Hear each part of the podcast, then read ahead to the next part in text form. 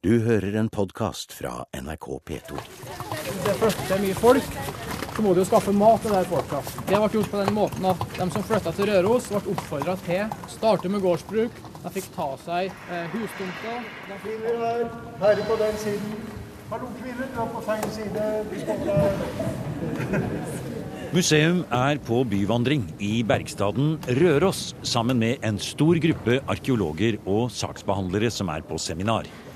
De skal hjelpe kommunen med å finne ut hvordan verneverdig bebyggelse og arkeologiske funn både over og under bakken skal håndteres når det nå skal legges nye vann- og kloakkledninger i verdensarvbyen. Det er kollega Jan Henrik Ilebekk som har tatt turen til Røros. Og den første jeg traff der, eh, var riksantikvar Jørn Holme. Han gleder seg over at det nå ikke bare er tiden før reformasjonen som er interessant for arkeologene. Ja, Arkeologene syns det er fantastisk å komme til Røros. For, liksom, for Røros har hittil liksom vært arkitektenes eh, fantastiske by for dem og his- kunsthistorikerne. Nå kommer de til Røros. Nå skal de ha stevnemøte om hvordan kan vi faktisk gi mer kunnskap om vår historie knyttet til arkeologiske undersøkelser. Riksantikvar Jørn Holme deltok på første del av seminaret. Han kjenner byen godt, og fikk en skjellsettende opplevelse da han besøkte Røros første gang under landsleiren for speidere i 1972. I dag gledes han av hamringen fra studenter som lærer lafting på tunet til Røros museum. Nå er vi jo faktisk eh, på Røros museum eh, og Bygningsvernsenteret. Og her kommer altså bachelorstudenter fra Høgskolen i Sør- i Sør-Trøndelag for å lære lafting, eh, men også lære det å administrere faktisk restaurering med alle de prosesser, hva det innebærer i forhold til kommunene, papirer og, og godkjenningsordninger og alt mulig. Så, Så det gleder deg å se sånt? ja, altså Se ungdom studenter, eh, og de er så stolte. De bor jo her i disse gamle bygningene. Ja, Og tenk å få lov til å være student på Røros, da. ja. Det er jo fantastisk. Ja, og så har de det sikkert hyggelig om kvelden med et glass øl og noe attåt. Ja. Hvordan opplever du Røros? Du har kanskje vært her veldig mange ganger? Jeg har vært her veldig mange ganger. Var her faktisk første gang i 1972 på lands, landsleir for speidere. Eh, da husker jeg at jeg var så betatt av Røros. Eh, vi skulle ut på haik, eh, og bussen skulle hente oss. Eh, jeg ble sittende igjen på kirkegården og drømme meg inn i Johan Falkbergets verden i forhold til alle gravminnene. Så det er jo menneskene som bodde her på, på, på 1700- og 1800-tallet. Så det er spennende. Og historien om menneskene er også viktig å ha med. fordi at eh, det er jo spor etter menneskene og historien om menneskene som, som faktisk berører hjertet. Og som kanskje får også oss, byråkrater til å bli enda mer engasjert og treffe riktige beslutninger. Ja, for denne byen er freda, eller dette stedet, eh, Bergstaden, er jo freda for lengst, og for så vidt sikra, men vi har vel mye i landet som, som eh, ikke er det, og som kanskje burde vært det. Ja, det som er sånn, litt sånn paradoksalt, da, at når det gjelder eh, det som er under jorden, eh, av det som er av skatter, så har vi et veldig strengt vern. Altså alt som er fra før eh, reformasjonen, før 1537, Ja, det er fredet ved lov. Så et, stø et hull i, i bakken etter et hus fra 1536 er fredet. Ja. Men store skatter etter det som skjer på 1500-tallet og 1600-tallet og frem til vår tid, som er rester etter hele vår utvikling i 500 år, har ikke noe formelt vern. Så, så i denne uka så kommer det 80 arkeologer fra hele Norge for å sette stevne. Hva vet vi? Hvilke skatter har vi, og hvordan kan vi få frem de skattene på en spennende måte. Og, her nå på Røros denne sommeren så skal halve Bergmannsgata graves opp i forbindelse med nye ledninger osv. Ja, Er det den vi er i nå, faktisk?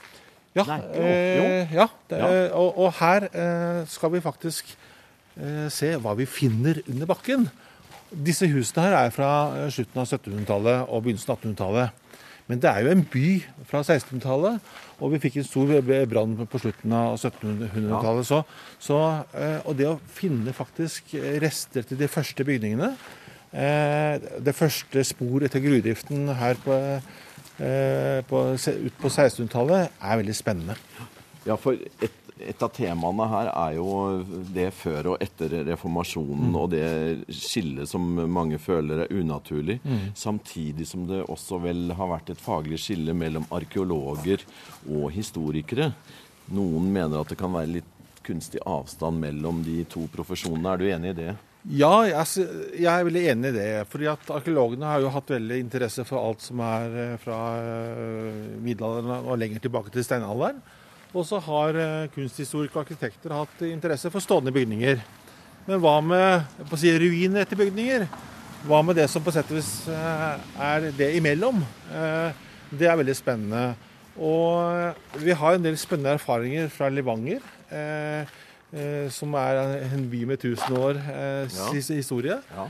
Eh, der har vi hatt utgravinger i Levanger som gir helt ny kunnskap. Hvordan faktisk har Levanger både vært i middelalderen, men også frem, frem til i dag.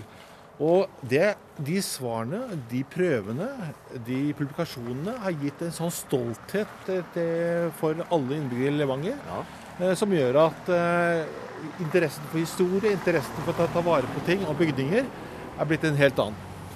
Hvordan oppfatter du fredningsklimaet i Norge, både i det offentlige og, og hos private, og folk flest kanskje? Jeg oppfatter det sånn at det er en, eh, en reisningstid for, eh, for eh, å ta mer vare på vår kulturarv. Det er mange positive eiere som ønsker et partnerskap med staten i forbindelse med fredning. Så vi har mer et problem at mange eiere ønsker å få fredet sin eiendom, enn at eiere ikke ønsker det. Faktisk, ja. Eh, og, men vi må da velge ut de, de riktige representantene eh, for ulike perioder, ulike historier, ulike samfunnslag, som gjør at vi faktisk har en fredningsmasse som ikke bare forteller om landbruk i, i, eh, indre Østland, men også forteller om kystkultur, arbeiderkultur, husmannskultur. Vi har eksempelvis veldig få eh, husmannsplasser fredet, bare en håndfull, mens vi har mange store gedigne gårdstun og borgerskapshus. Petter Molaug, ja, du er arkeolog og du jobber i Oslo. Hvordan er det å komme hit til Røros? Du har, du har kanskje ikke vært her så mange ganger? Nei, det har jeg ikke. Jeg har ikke vært i embets medfør eh, her Røros, og det er kjempespennende. Det er jo tidsperioder hvor det var fullt liv og virksomhet, og naturligvis mye mer sentralt da i, i Kristiania eh, da. Men eh, noen av de samme problemstillingene vil man jo ha, og fremfor alt så er det jo mange av de samme metodene som arkeologien kan bidra med når det gjelder utforsking. Ja. Hvordan, hvordan er det inni hodet på en arkeolog når en går på et sånt eh, sted?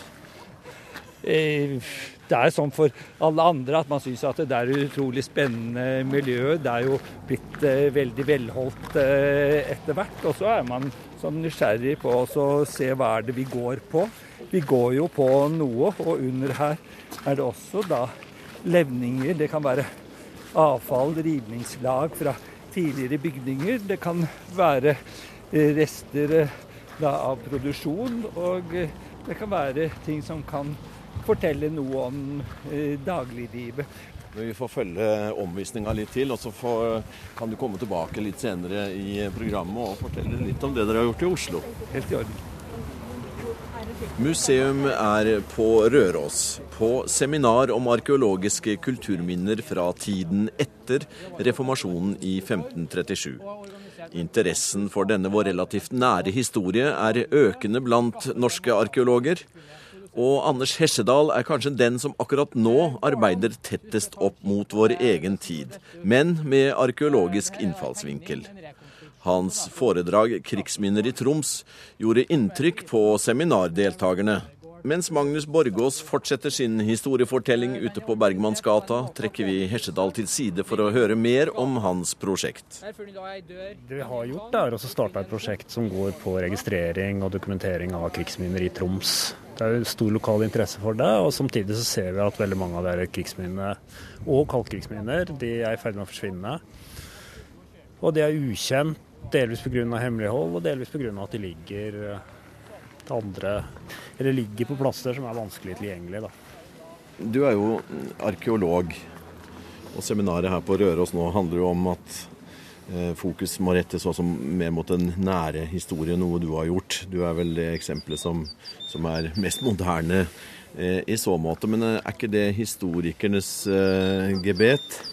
Jo da, det, det, tradisjonelt sett så har det vært historikerne som har jobba med den type ting. Samtidig så ser du òg i, i, i, hele Europa og USA at man blir mer og mer opptatt av det her samspillet mellom menneske og materiell kultur. At uh, vi står i et ledetog med den materielle kulturen. Det bestemmer ofte hva vi skal gjøre, like mye som vi bestemmer hvordan det skal se ut. Da.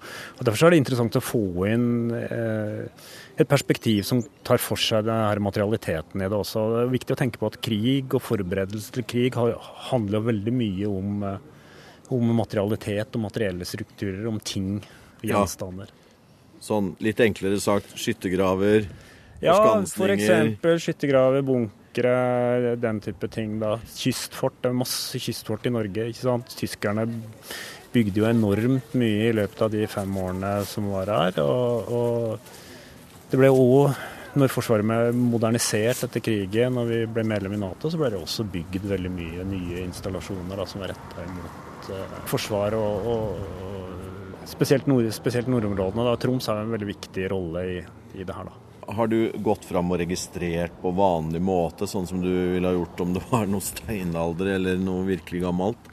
I prinsippet så gjør vi det, ja. Vi går ut og ser på det og måler opp og fotograferer og dokumenterer og prøver å finne ut hva det er for noen ting. Da. Men det som er kanskje litt spesielt med dette prosjektet, det er jo at vi prøver å å engasjere lokalbefolkningen da vi driver kursing i registrering av kulturminner, både moderne og gammeldagse, og, og prøver å få folk til å bruke nasjonale databaser, legge inn dataene i det da, i, i digitale fortellinger og kulturminnesøk som drives av Kulturrådet og, og Riksantikvaren. da. Problemet nå er jo at det er ganske mye kunnskap rundt omkring, men den er nedi skrivebordsskuffer og inni hodene til folk. Og vi må få det ut og inn i databaser som vedlikeholdes og som er tilgjengelig for alle, slik at denne kunnskapen kan løftes opp på et litt høyere nivå. Hva bør skje med, med disse minnene? De ligger jo der og forfaller og forsvinner i mose og alt mulig. Krigsminnene de, de er jo sårbare. Altså de, en del av de blir etter hvert tatt tilbake av naturen. altså Det gror igjen og det blir ødelagt. Det blir fjerna av grunneiere, av kommuner. Delvis fordi at man ikke vet hva det er, og delvis fordi at de ikke har noen, noe vern. Når det gjelder eh, kaldkrigsanleggene, så er jo en del av de skal fases ut. Så de blir òg fjerna av Forsvaret eller Forsvarsbygg, eller de avhendes, selges til andre formål. Og Litt av problemet der òg er jo at, at, eh, det har vært så mye hemmelighetshold omkring en del av de her, at vi vet jo ikke hvor de er. Spesielt kanskje når det gjelder de her overvåknings- og kommunikasjonssystemene. ikke sant? Så plutselig så er det bare borte. Mange tusen arbeidere, ikke sant. Og hele tiden behov De byvandrende arkeologene har kommet seg inn i den store, nyrestaurerte kirken i byen. En etter sin tid svært kostbar bygning, finansiert av kobberet i gruvene ikke langt unna.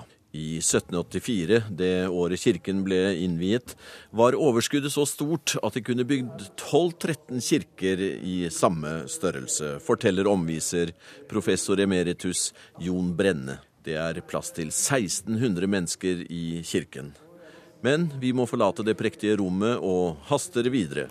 Tidligere i programmet snakket vi med arkeolog Petter Molev og lovte å komme tilbake til han og hans erfaringer med de etterreformatoriske utgravningene i Oslo. Hva har arkeologene tilført historien der? Det er slik at uh, eh, 1624 er et naturlig skille i Oslos uh, historie pga. byflyttingen. Uh, vi har gravd ganske mye i gamlebyen mellom da reformasjonen og 1624. Fordi at det ligger naturlig oppå de middelalderske lagene, og kan si det er egentlig så eh, firkantet som å si at det, i Oslo så varer middelalderen til 1624. Og eh, det å skulle sette et skille der ved reformasjonen, ved 1537, da reformasjonen ble vedtatt uh, i Norge, det har ikke noe for seg. Altså, når man er i en utgravningssituasjon, så er det veldig vanskelig å bestemme uh, hvor 1537 ligger, sånn i lagrekkefølgen ja, og sånt ja. noe. Eh, og eh, kulturhistorisk så er det jo helt eh, misforstått, for det er jo akkurat like interessant. Og viser det seg at det er veldig mange ting som vi ikke vet om.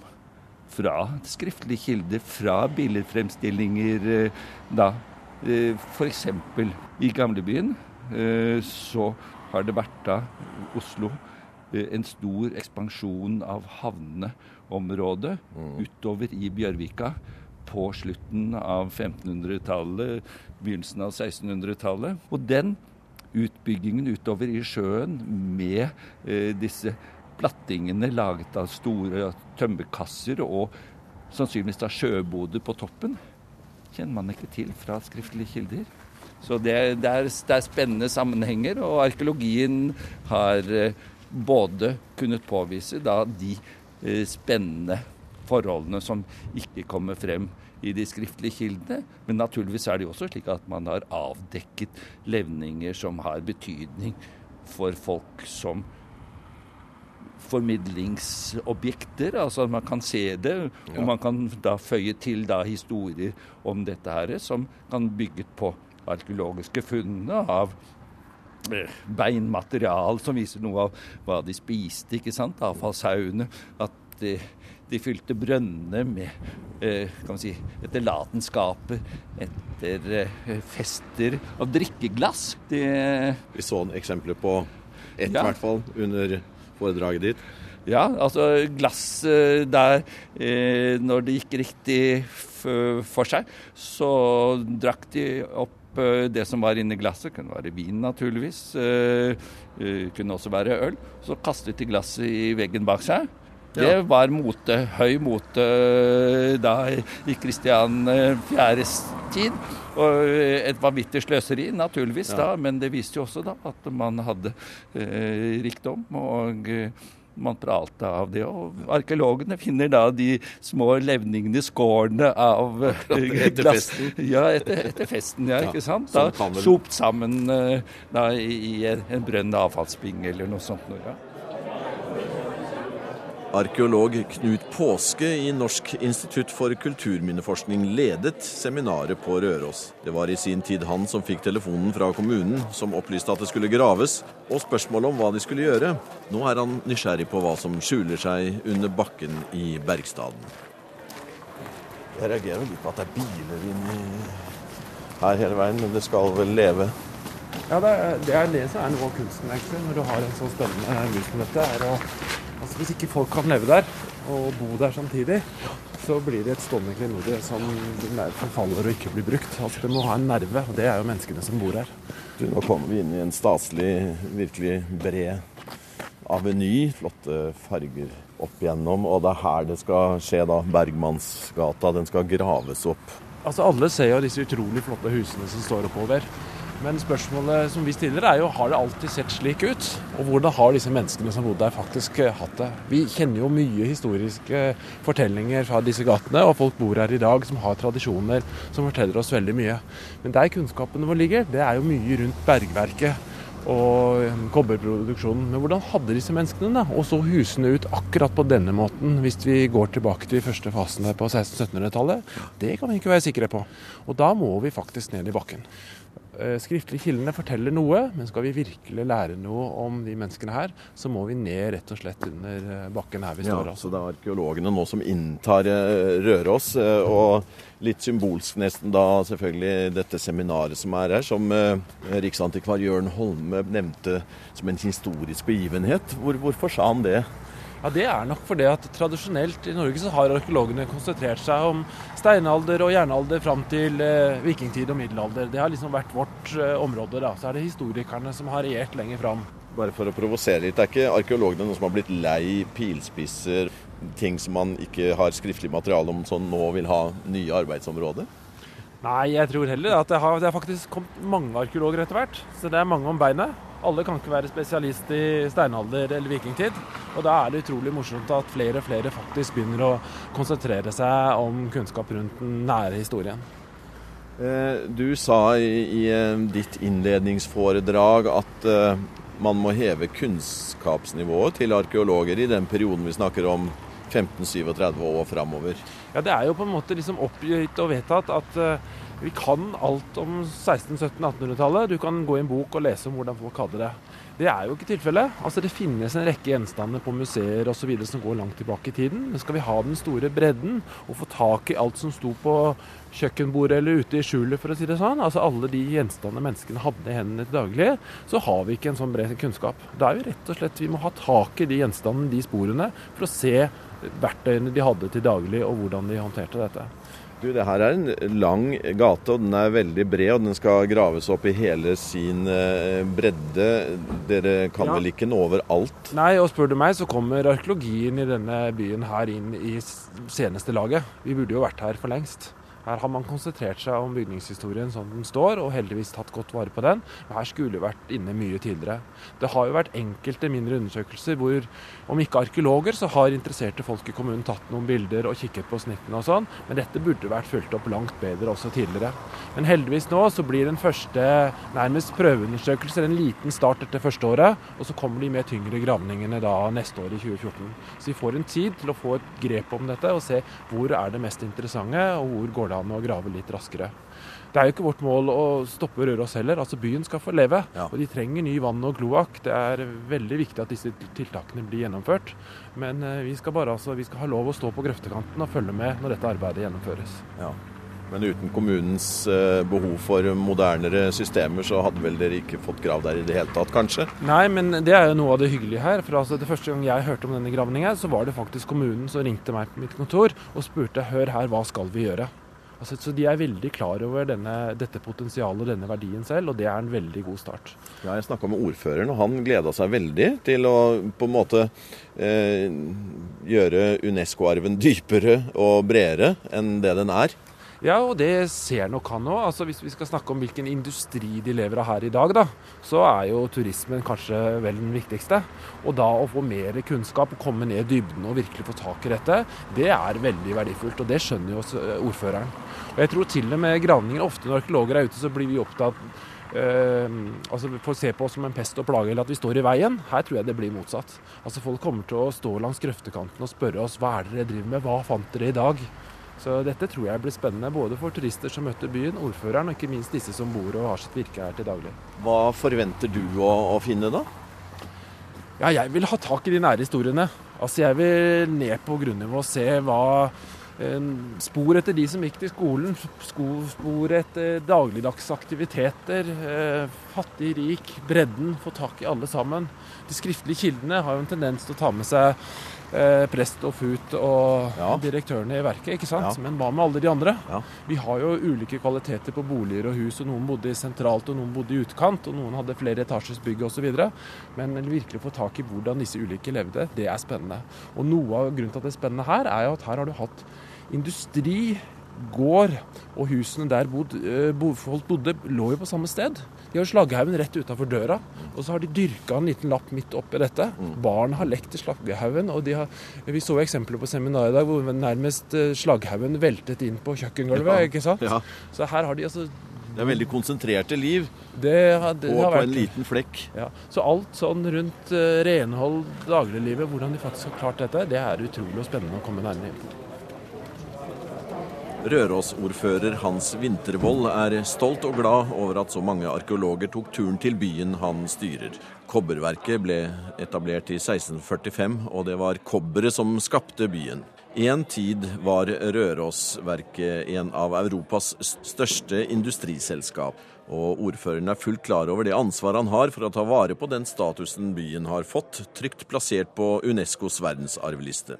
Samtidig som Røros får fornyet vann- og kloakksystem, ser han nå med forventning fram mot resultatene fra de nært forestående utgravningene. Nei, Det er jo spennende, ikke minst å få høre resultatet etter hvert, hva de finner. Og det er jo det som er under bakken som er grunnlaget for Røros. Så det å kanskje å finne noe som forteller oss litt mer om historien i bykjernen her, er jo veldig spennende. Det er visst mange lag under her, og, og som forteller noe om de to store bybrannene. Jeg tror det her vil være med å kanskje bekrefte historien, og kanskje også gi oss en ny kunnskap som vi ikke visste fra før. Så, så, så er det jo veldig gledelig at det er så stor interesse.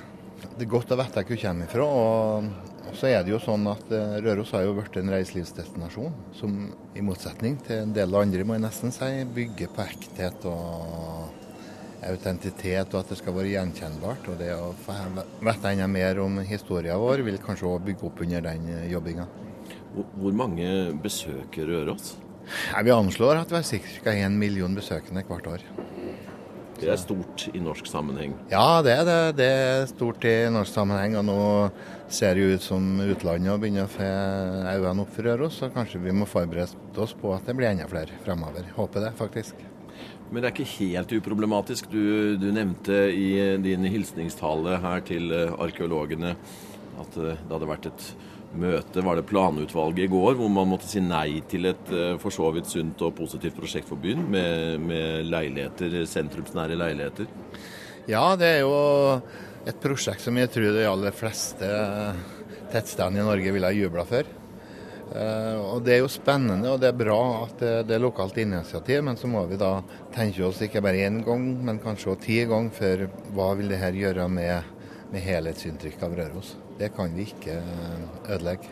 Så her veier historien tungt, og det aksepterer byen? Ja da, det gjør han. Men vi, må, vi er jo opptatt av vern gjennom bruk, eller bruk gjennom vern. og da, Vi, har, vi balanserer på en litt sånn tynn linje for gjennomgang. Så eh, det er noe skjæringspunkt her, men så langt så tror jeg vi har lykkes bra. Hør flere podkaster på nrk.no podkast.